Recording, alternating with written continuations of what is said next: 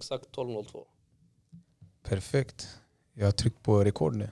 Assalamu alaikum. Alaikum assalam wa rahmatullahi ta'ala wa barakatuh. Välkommen till ett nytt avsnitt av Kalifatet. Tack brorsan, tack. Bro, det är ditt kalifat också, du behöver inte tacka mig. Nej men du var så snäll och sa välkommen så jag tänkte att det ska jag ändå tacka för. Det var egentligen riktat till våra kära lyssnare. Okej. Men du är välkommen också bror.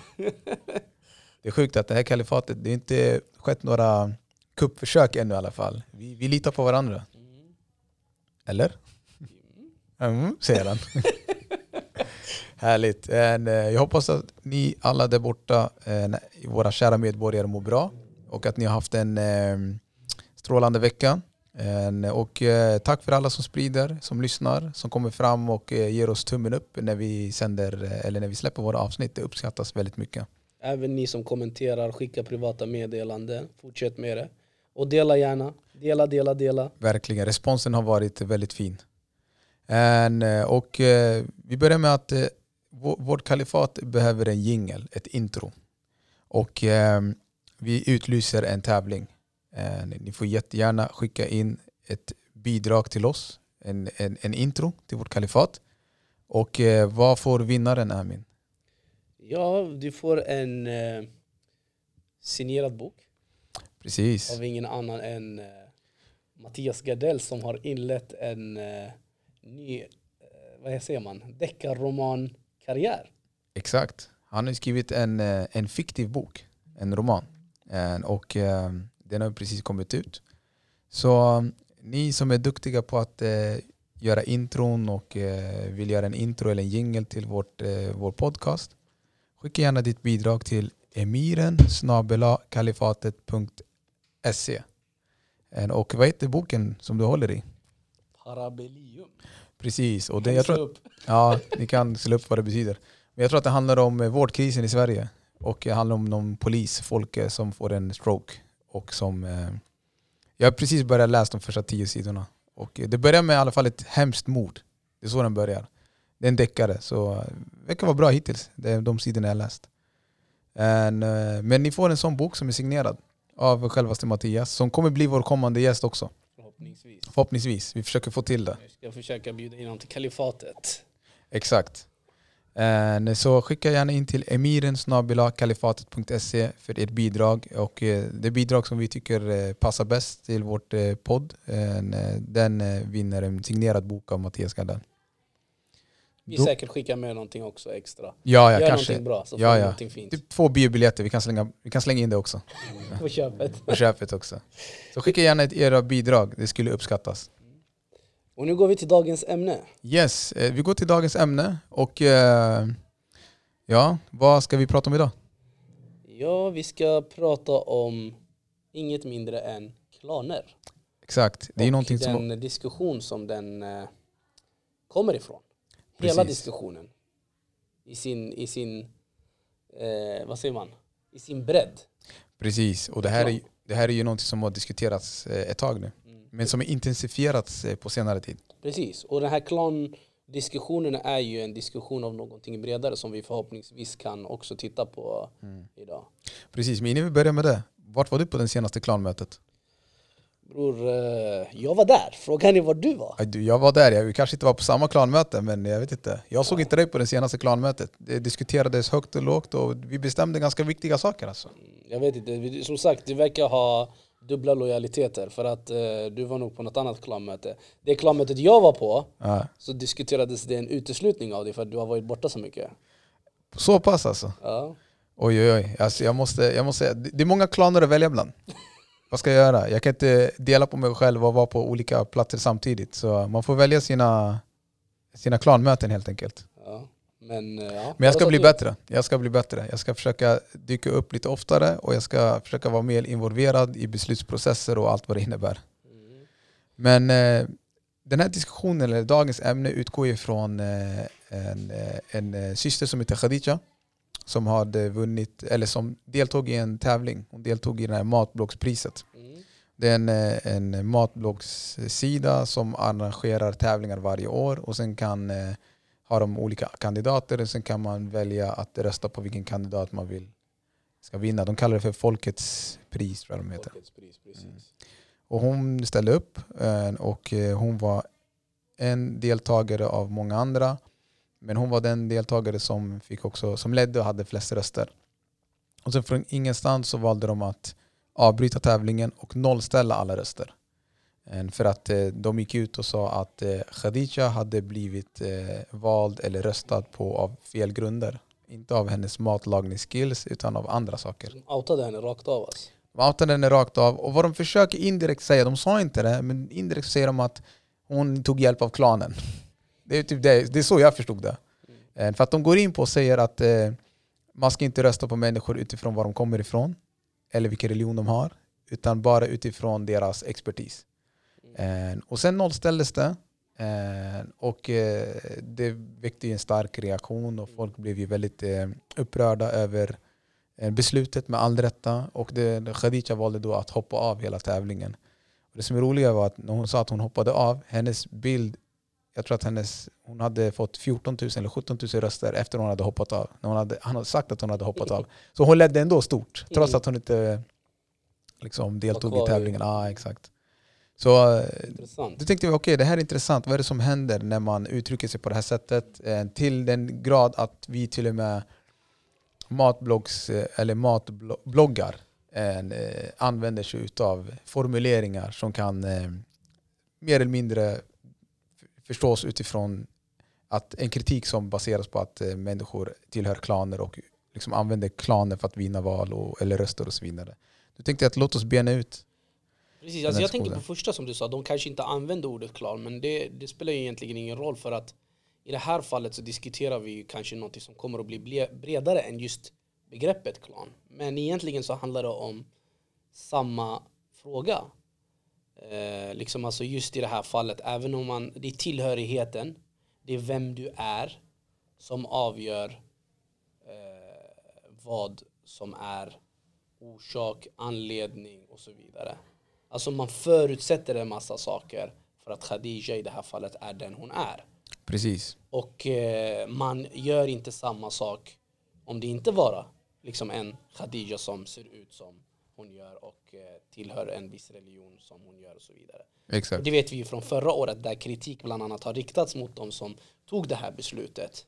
Precis. Ja. Nu, nu skickade de en lam ursäkt där på efterhand men eh, så har de fått väl kritik för den ursäkten också. Men Mm. eh, jag vet att, eh, att förra året fick vi höra att det var, vi diskuterade det jag och du innan, att det var en person som hade eh, använt sig av eh, vad heter det, priser eller presenter eller någonting till de som, vad jag förstod, som de som hade röstat på, Precis. på henne. Och då fick hon en tillsägelse att så får man inte göra, Mm. men man nollställde inte omröstningen. Nej.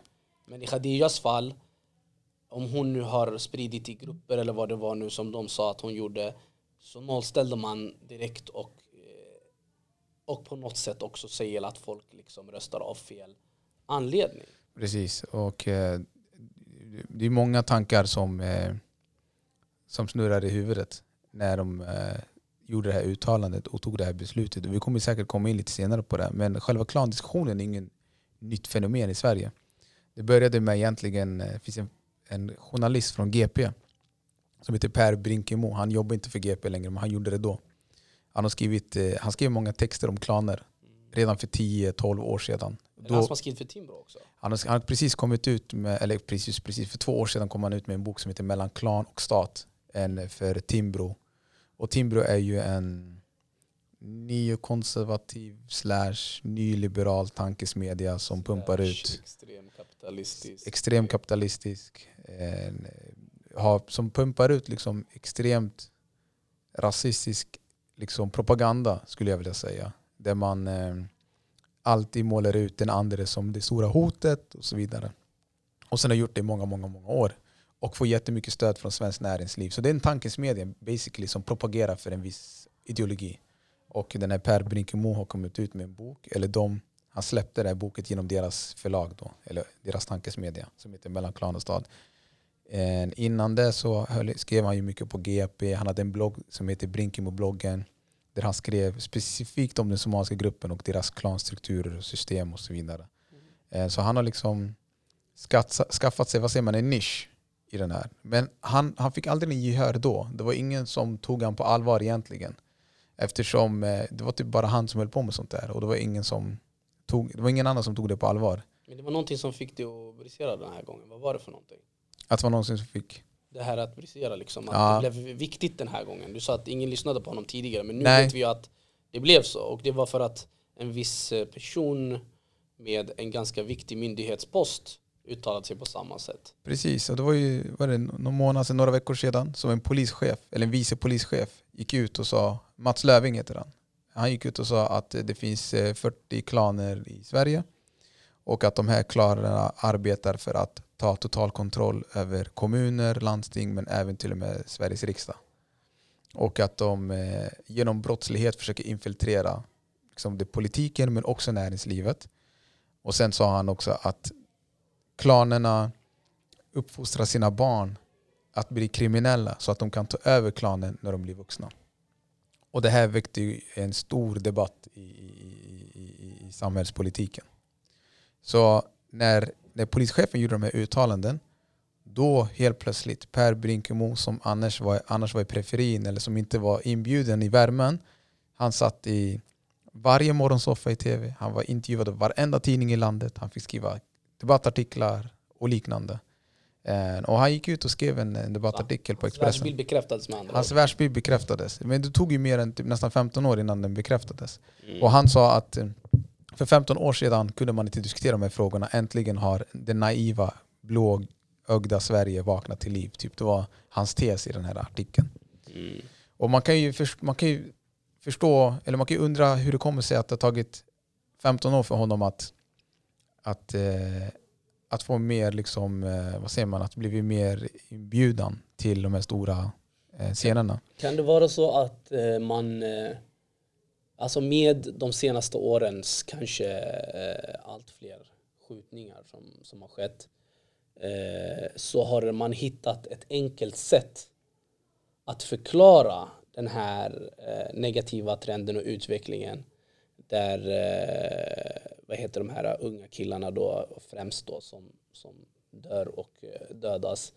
Att förklara det med en sån enkel och simpel eh, beskrivning som klan. Precis. Liksom att, att ett sånt komplext liksom, problem som kriminalitet och eh, eh, ungdomar egentligen som ofta är födda och uppväxta i Sverige. Och om i Sverige inte har då det här klantänket så borde de ju vara fria ifrån den tänker man så här, lite ironiskt. Men liksom, jag vet inte, alltså på något känns, känns det som det här, du vet, den här klassiska, du vet, att vi har ett problem.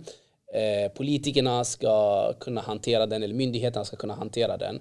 Och hur hanterar man det rätt, eller lätt menar jag, då är det ju genom att skylla det på ja, invandrarna eller invandrarkulturen eller eh, liksom det här klan, alltså det, det här klan är ju en del av det. Uppenbarligen så tänker man inte på Sverige, svensk, blåögd, blond när man hör ordet klan. Nej, alltså, Eh, klan alltså, är ju en Nu kan man ju rasmarkör. diskutera men det är precis, det är en, en rasmarkör. Och då, då sitter man för, jag, jag, det första som slår mig i alla fall det är att man vill förklara ett väldigt komplext problem och det här blir ett väldigt enkelt sätt att göra det på.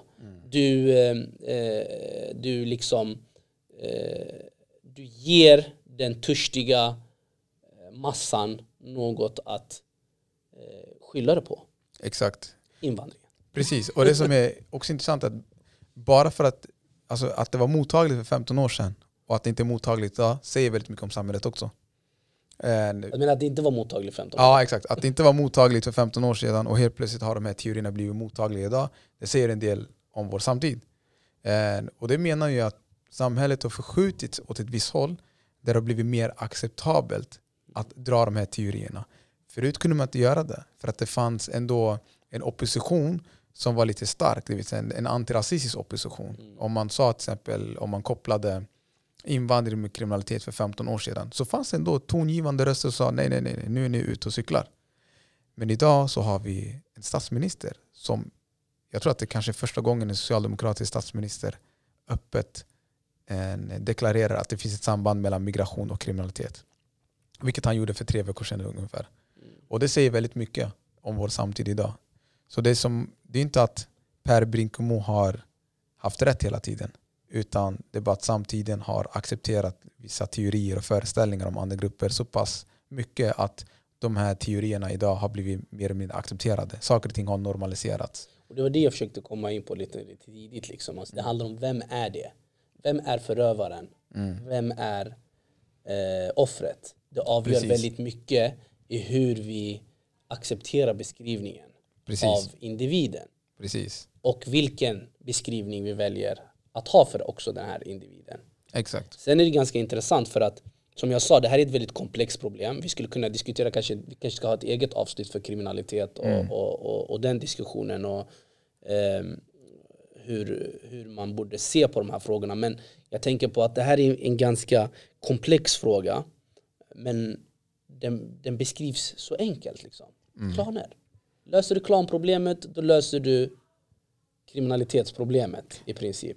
Löser du klanproblemet, ja då kommer folk plötsligt börja rösta på matbloggar utifrån maten som de har smakat som personen har lagat. Vilket är bara bullshit. För att även, det, även om Khadija inte hade varit med på tävlingen, jag menar, hur ska du avgöra om, säg att en Linda hade vunnit istället, eller en Åke. Hur ska du kunna avgöra att de här 5000 rösterna eller 6000 personerna som har röstat på Åke faktiskt röstade på Åke för att de har smakat hans mat och tycker att han lagar väldigt bra mat? Precis. Och jag tänker så en Åke eller Linda om vi ska ta dem som ett exempel. Ni vet inte vad de heter de här som var med, de övriga deltagarna, men om vi ska ta till exempel om de heter en Åke eller Linde eller whatever. Det är inte så att de, när de ska ragga på röster eller de ska försöka eh, få människor att rösta på dem, de går inte till främmande människor. Utan de går ju kanske till sin familj, sina släktingar, eh, sina, sitt bostadsområde, kollegor på jobbet. Men man, man, Bakgruppen i, på Facebook. bakgruppen eller vegangruppen på Ja. Facebook eh, och så vidare. Precis, vegangruppen är väldigt intressant. För att Mm. du nämnde ju att det var ju vissa som eh, tidigare till mig att det var ju vissa veganer som hade använt det när de kritiserade eh, deras agerande mot Khadija. Just. Eh, den här de, eh, vad heter det, de som är ansvariga för det här priset. Att, ja men vadå? När vi lagar veganmat så säger vi också till de här veganerna och, och rösta på oss liksom. Exakt. De gick Så- till så- veganska community. Precis, de går till veganska communityn. Och, och det här jag menar, alltså, så för det första så går ju folk till de som är närmast dem. Så varför blir det klan? Alltså nu sa de ju inte klan till Khadija så vi ska vara, vara petiga. Men det är fortfarande, det är bakgrunden, det är, man ska inte rösta på grund av bakgrund eller religion eller vad det nu än är. Vi kommer tillbaka, det är hennes tillhörighet vi pratar om. Varför pratar vi inte om de andras tillhörighet? När har vi någonsin hört att när en vegan ställer upp i ett matpris och säger ni ska inte gå bara till, alltså fiska röster bland era vegankompisar. Det finns ingen som skulle få för sig att säga något sånt. Nej. Så här har vi ett problem som vi kommer tillbaka till. Vem är det vi pratar om? Precis. Då definierar vi vem, vad hon är eller vad hon grundar eller var hennes röster kommer ifrån. Och sen har vi ju det andra problemet som jag sa att även om vi nu skulle säga att man har fått ett, massa, en, ett x antal röster hur kan vi avgöra hur var, varje individ som har röstat på den här personen vad som har varit den bakomliggande orsaken? Ja, de, tydligen, de som sitter i juryn, de har... eh, kan, Har de intervjuat alla 7000 som röstade på Khadija eller? eller så, ja, om inte det så har de, kanske kan se människors intentioner i när de trycker på like på en bild. Men du förstår vad jag menar. Och sen finns det ett annat tredje problem också som jag brukar tänka på. Det här handlar också lite om att det här är inte bara Khadija som egentligen blir definierad utan även Khadijas väljare här blir ju det. Eller väljare, de som röstar på henne. Precis. De blir ju också definierade. Att de inte kan rösta på henne enbart för att hon lagar god mat. Utan om det är en Mohammed som har röstat på henne eller det är en Mohammed och Ahmed eller så fyra Mohammed. Ja men då måste det ju vara för att de alla eh, är eh, muslimer. Eller för att de alla fyra eh, har eh, eh namn som är mer vanliga i Mellanöstern. Alltså, för, alltså det, det, det är väldigt konstigt. Så här, liksom. Och det här, det här är ju en gammal idé som finns sen, sen, många, alltså sen generationer tillbaka, redan under kolonialismen. Att, att människor som oss, rasifierade människor eller icke-vita människor, eller kalla det vad, vad, vad som helst, eller invandrare, eller människor med invandrarbakgrund. Det finns så många ord som beskriver oss i dagens debatt. Kärt barn har många namn. Ja, kärt barn har många namn och ändå av någon anledning så vågar vi inte debattera de här frågorna i Sverige men ändå har vi typ tusen olika ord som beskriver oss. Eh, anyways, ironin eh, visar sig här väldigt tydligt. Men jag tänker så här, det har varit en idé som finns länge vi vet inte vad som är bäst för oss. Vi vet inte hur vi röstar rätt. Det är en sån här klassisk grej. Alltså till och med eh, bland vissa eh, människor som jag ansåg vara vänner och som man hade bra och intressanta diskussioner med till exempel innan den arabiska våren eh, fick jag se sidor av som jag blev helt chockad över efter den arabiska våren och människor gick till vallokalerna. För om de röstade fram fel person, om det var islamist eller om det var en, eh, vad det nu än kunde vara, fine, du behöver inte hålla med de här personerna. Men fortfarande, när du börjar säga att det här var fel val, då är det, inte, det handlar inte om att du egentligen kritiserar islamisten i det här fallet eller den här personen utan du kritiserar egentligen folket. Att de är så pass korkade att de inte förstår vad som är bra för dem. Exakt, och det är väl lite det som händer nu i det här fallet. Jag tycker precis det du lyfter upp att man eh, fördummar eh, människorna som röstade på Khadija. Mm. Att de inte kan tänka för sig själva och att de bara utgår från att hon har en viss hudfärg eller en viss religion och att det är bara av de anledningarna vi skulle rösta på henne. Och inte faktiskt att hon ger fantastiskt bra mat. Det är att se ner på den muslimska massan eller den svarta massan, att de inte kan göra någonting. Men det, här, det här går tillbaka till rasbiologins idéer som du var inne på. Att eh, rasifierade grupper, alltså de som är rasifierade som svarta eller som muslimer, eh, de styrs av känslor och inte av logik. Mm. Alltså när man kollar på rasbiologin och när de hierarkiserade olika raser utifrån en rang. Den vita rasen, anledningen för att den var högst upp, det var för att den styrdes av logik och intellekt. Och alla andra styrdes av känslor och godtycke. Det är ungefär det var... Det, är den här... det sjuka är, om vi nu säger, nu ska jag alltid göra sådana här utmaningar. Om vi nu säger, du säger du kommer ja, gå inte dit. det är andra jag gången. Ska gå dit. Jag ska gå ja, dit bror. Det är andra gången nej, du försöker låts... möta dem till, vi, till nej, mötes. Nej, inte gå till mötes. Utan ja. Jag tänker så här. Låt, låt oss låtsas att ett par av de här personerna röstade med en annan intention. Ja. Låt oss låtsas, några av dem. Men det är ju samma sak med vita människor när de sitter där. Mm. Det finns ju folk som röstar av andra orsaker också. Ja men alltså kom igen, när Mehmet Kaplan var minister, jag satt och kollade på en grej en gång. När Mehmet Kaplan var minister så gjorde de en omröstning, vilka ministrar som har gjort bra ifrån sig, vilka som har gjort dåligt ifrån sig. Och det fanns ministrar med massa skandaler och massa grejer. Och tydligen, när de gjorde den här omröstningen på Aftonbladet och på andra ställen, då var ändå Mehmet typ näst sämst. Hur kan han vara näst sämst? Han hade inga skandaler, det här var innan de tvingade honom att avgå. Eh, Ingenting som, som, vad heter det, liksom var, som kunde definiera att han hade gjort ett dåligt jobb. Tvärtom, bostadspolitiken fick en push när han blev bostadsminister. Det här är bevisat, det kan man gå tillbaka och läsa på. Ändå var han näst sämst. När vi hade en regering som typ hälften av dem var katastrof och gjorde ett dåligt jobb och vissa av dem hade skandaler. Och de fick ett, som röstades fram till bättre eh, vad heter det, eh, ministrar. Mm. Och då frågar man sig, hur kommer det sig att det är så? Då betyder det att människor som röstar tyvärr många gånger vita människor som sitter där hemma. Mehmet kan ju inte vara bra. Han heter ju Mehmet. Mm. Det är konstigt att han är minister säkert, tycker Precis. de där hemma. Precis. Och jag menar alltså, det är det här jag menar. Men, eller, så, eller de andra som fick högre röster, varför fick de högre röster?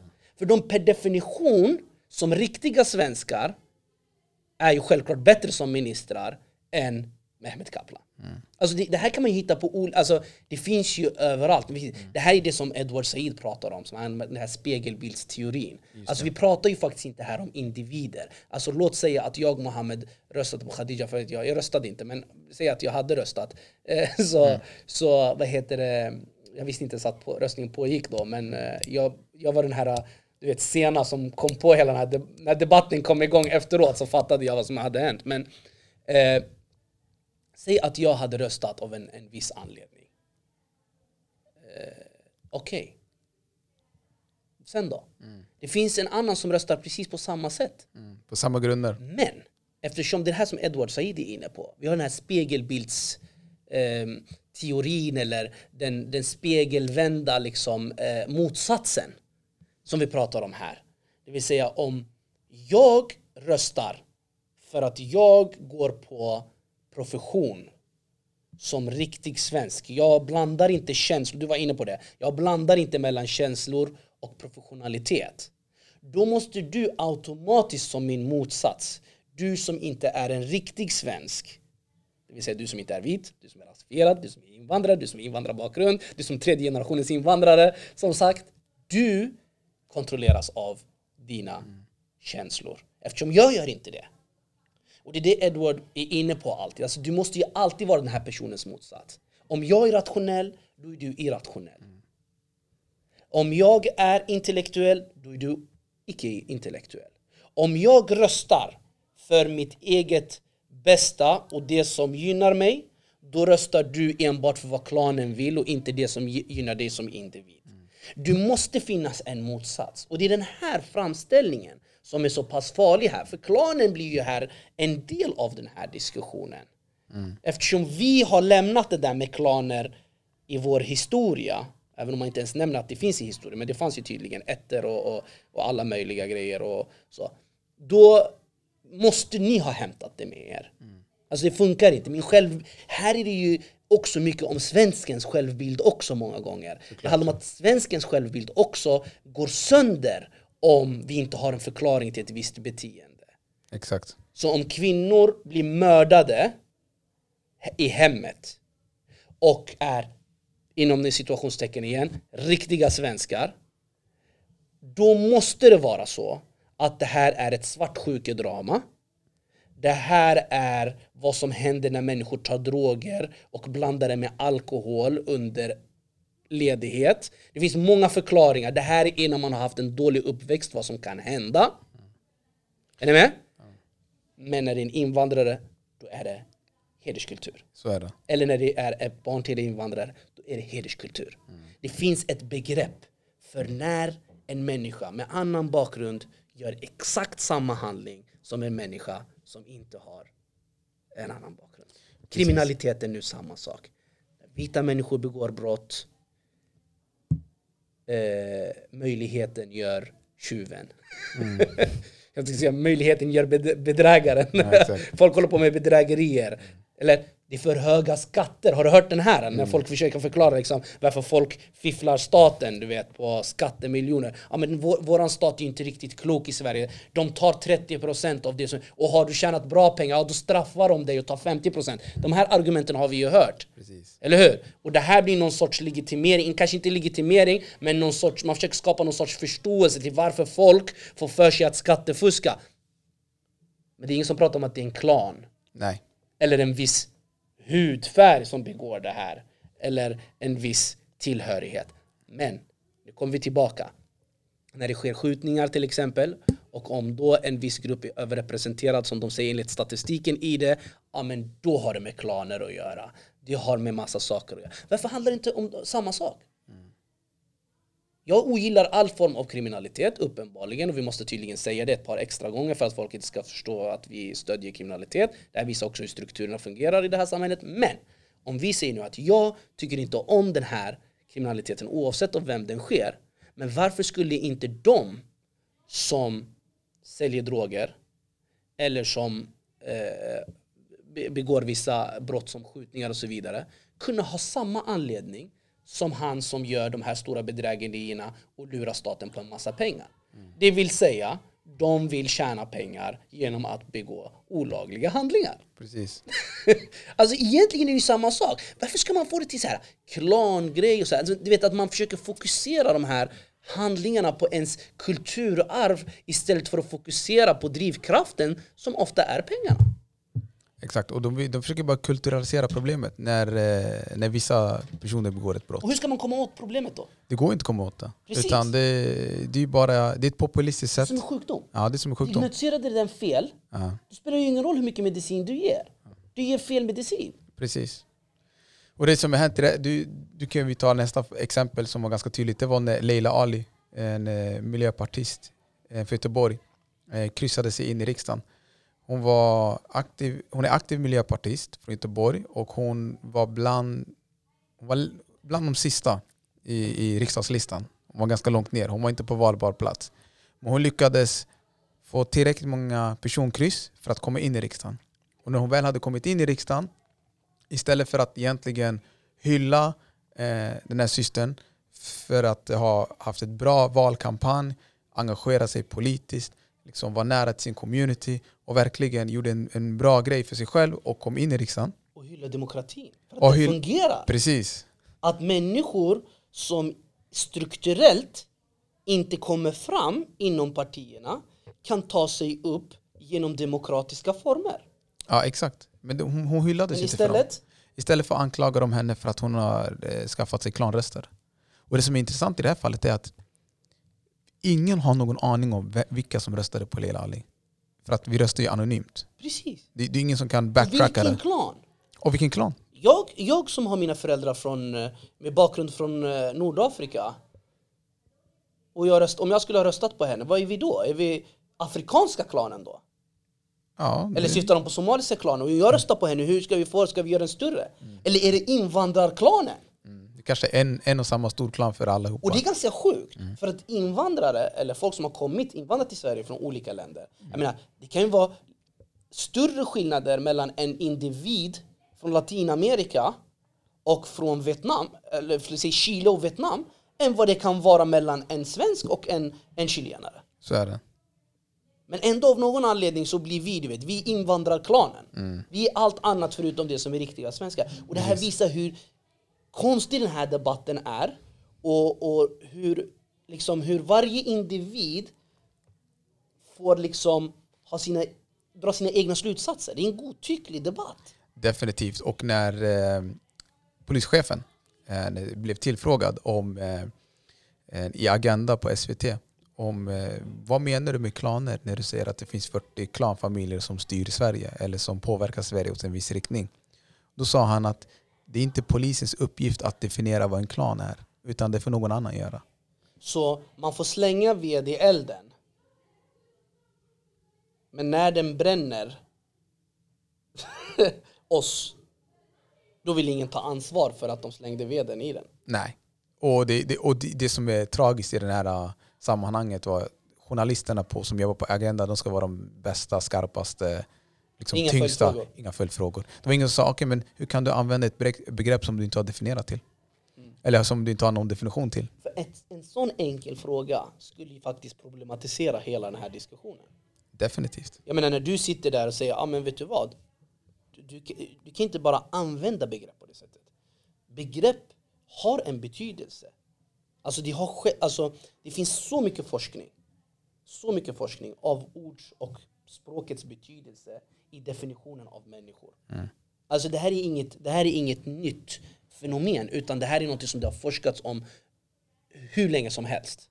Precis. Och att då sitta och använda sådana här begrepp som faktiskt är som små minor i sin, alltså i sin vad heter det, användning och brisera den här då, eh, liksom debatten och i längden också uppfattningar som kan skada människor i samhället på grund av de uppfattningar som man har och sen inte ens kunna definiera det, det är ett stort problem. Så. Även när vi inom forskning, när man skriver liksom, eh, någon, inom ett visst ämne eller en viss fråga och man använder ett begrepp, ibland så kan det till och med vara självklart för vissa människor, typ såhär muslim. Ja, men I den här forskningen så menar jag med muslim alla som uppfattas som muslimer. För jag tittar på diskriminering och även människor som inte är muslimer kan utsättas för diskriminering för att de uppfattas som det. Därför menar jag allt egentligen som uppfattas som muslimskt. Alltså förstå, alltså det här är en begreppsdefinition. Alltså man kan, göra, man kan ha olika begreppsdefinitioner eh, beroende på eh, vad heter det, eh, vi- vi- vilken typ av fråga som man hanterar. Och det här visar ju att det är ännu viktigare att polisen, när de går ut, speciellt en chef på sån hög position, går ut med ett sånt här påstående, definitivt ska veta vad han menar. Precis. Det är, det är viktigare nu att han vet vad han menar än någonting annat. Säg att det finns kriminella inom samma familj. Men varför kallar du det klan då i så fall? Alltså det finns ett problem. Jag kan direkt börja ifrågasätta. Vad är klanen? Ännu en gång. Är det alla vi som uppfattas som inte ursprungliga svenskar? Är vi alla samma klan? När vi kommer till valet av syster Leila, hon heter. Ah, Leila Ali. Eh, är vi alla, eh, vad heter det, är det invandrarklanen, är det afrikanska klanen, är det somaliska klanen? Vilken klan Även vi pratar om? varje land har typ tio olika klaner. Precis! Minst. Och då kommer vi också tillbaka dit. Kanske somaliska För de som har klansystem. Ja. Och sen är det inte alla länder som har ett klansystem. Alla länder har inte ett klansystem. Det finns många länder som människor har kommit till, till Sverige ifrån som inte har någonting som heter klansystem. Och många länder som har ett klansystem där människor har kommit ifrån, de tillhör inte de här klanerna. Klaner är ibland, ofta i ett land, ett privilegium att tillhöra man har det oftast väldigt bra, man har ingen anledning att lämna sitt hemland. Så många som har kommit från klansamhällen kommer inte från specifika klaner. Så vad är klan?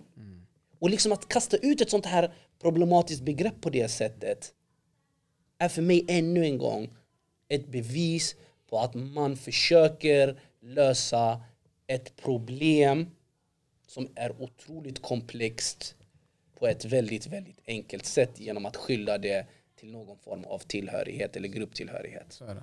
så det egentligen Leila Ali har gjort är att hon har jobbat med politisk påverkan som alla politiker eh, sysslar med. Ja. Men hon har blivit beskylld för att eh, använda sig av klanröster.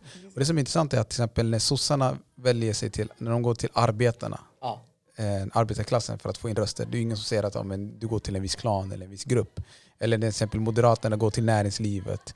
Eller när Miljöpartiet går till miljö, liksom, medvetna aktivister eller vad det kan vara. Utan politiken fungerar så. Man går till sina målgrupper, man organiserar sig utifrån det och sen försöker man eh, få in så mycket röster som det går. Men eh, problemet är när vi använder sig av den svenska modellen och tillämpar den svenska modellen för att eh, en, eh, få inflytande på lika villkor. Då helt plötsligt blir vi, blir vi beskyllda av ett klansystem. Och då kommer vi tillbaka till det här. Det blir klansystem, Parallellsamhällen. parallellsamhälle, identitetspolitik. Ännu en gång, tusen ord har de för att beskriva vår efterblivenhet. Alltså förstår, förstår du vad jag menar? Alltså hela tiden, våra hemska agendor du vet om att egentligen bara ta över det här samhället och eh, göra sig av med ursprungsbefolkningen. Alltså förstår du?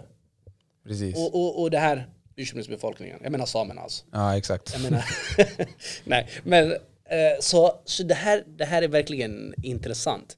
Och som jag sa, liksom, det finns så många begrepp. Liksom. Och då är bara, liksom, det har nästan blivit som en så här, du vet, pepparkakslåda. Du vet. Alltså man bara, okej vad är det idag? Idag är det klan. Ja, vad är det imorgon? Det är parallella samhällen. Just det.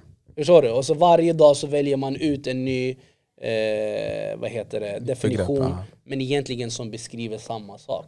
Och det är eh, definitioner, begrepp, ord som beskriver de andra som har en negativ, observera, en negativ betydelse medan vi har motsatta begrepp, motsatta ord som har en positiv betydelse som vi beskriver oss själva med.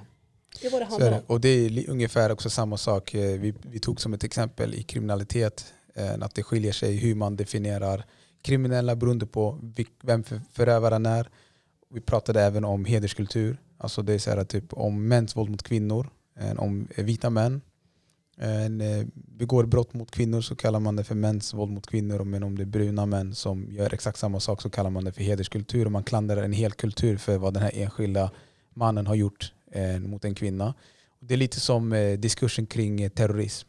Eh, om det är en muslimsk man som begår en eh, terrorhandlingar så kallar man det för terrorism. Men om det är en, en vit man som begår exakt samma handlingar så kanske man säger massmördare, en eh, skytten, Eh, man börjar prata om hans eh, liksom, psykisk ohälsa eller hans uppväxt eller vad det kan vara. Och man, jag tror att skillnaden är egentligen, det finns en tydlig skillnad att när rasifierade eller bruna eller svarta män eller grupper gör någonting så skuldbelägger man ett helt kollektiv. Men när vita majoritetssamhället gör exakt samma sak så fokuserar man på just den här individen. Precis, och då blir det där vi kommer tillbaka till. Vem gör vad? Exakt. Då definierar vi vad som har hänt. Förstår du? Vem gör vad? Då definierar vi vad som har hänt. Exakt. Man Okej, tittar det inte var på Mohammed handlingen. som gjorde, då definierar vi om hans handling var positiv eller negativ. Fanns det en dold agenda eller inte och så vidare. Och samma sak gör en Stefan en sak, ja då definierar vi vad som var anledningen och inte och så vidare.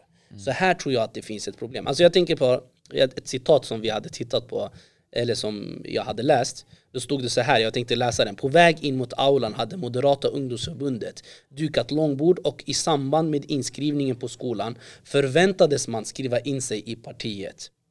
Jag tyckte ha hamnat, eh, förlåt, ingen annat politiskt parti fanns på plats. Observera. Jag tycktes ha hamnat i en moderat röstskola för att tala med Rebecca Vejdemo Uvels ord. Det var någon som skrev så här. Så Rebecca Vejdemo, om jag förstår det här rätt, så är det liksom en beskrivning eh, av eh, en skola som eh, hon skulle gå på, eller om jag förstod det rätt. Och eh, de kallade, det var någon som skojade om det här och kallade det för klanrösterna i Danderyd. Men det här skrattas ju bort. Precis. Vadå klanröster i Danderyd? Det finns inga klanröster i Danderyd. Nej, det var ju ett, ett exempel som påminner mig om det där. Det var efter valet senast.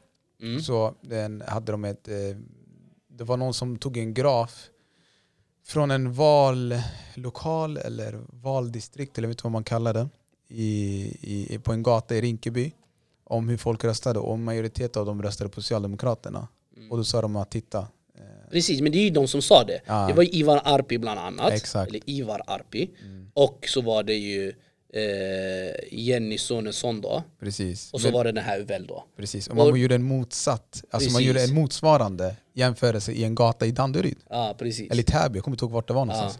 Och då var det, var det upp till 80% hade röstat på Moderaterna. Mm, precis, men det kallas klanröster i Rinkeby. För Socialdemokraterna. Och klart- demokrati i den Precis. andra.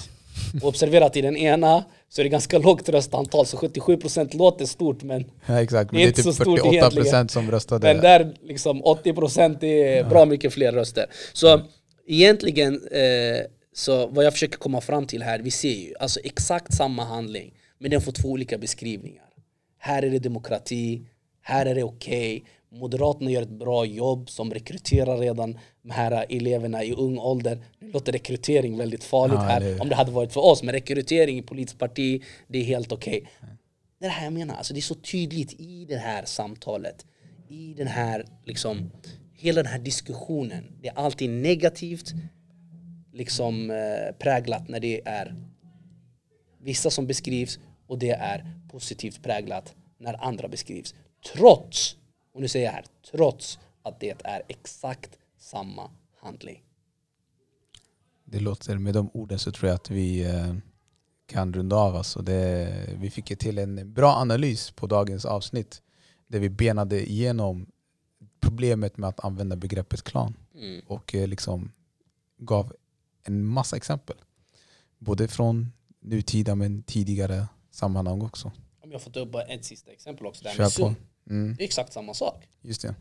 SUM är ju liksom, eh, har varit påhoppat länge och, och hela den här eh, historien och det är allt möjligt och det är islamister och det är farligt och det är rekrytering och det är ena och det andra och fram och tillbaka. Men det är samma sak. Mm. Det är liksom en ungdomsorganisation av eh, ett kanske hundratal som under den tiden fick vad heter det, eh, bidrag. Men varför är det en sån, eh, liksom när de här andra organisationerna jobbar, då är det viktigt för demokratin, det är viktigt att våra civilsamhällesaktörer är starka, att de är fri, fria och självständiga från statens påverkan och det är därför det är så viktigt att staten supportar det här och så vidare. Men samma individer, kolla nu, jag ska man säga så här, samma individer som säger att det är viktigt att civilsamhällsorganisationer får stöd från staten för att vara självständiga från staten är samma personer som drev hetskampanjen mot Sveriges unga muslimer. Mm.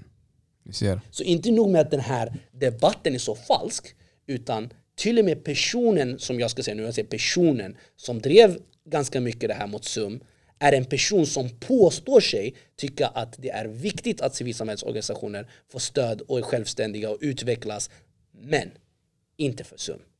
Och det här visar hur djupt det här har blivit insyltat i vissa människors inre, eh, vad säger man, medvetande eller vad man ska säga. Tankar. Eh, precis, tankegångar för att liksom, det ska kunna sluta så.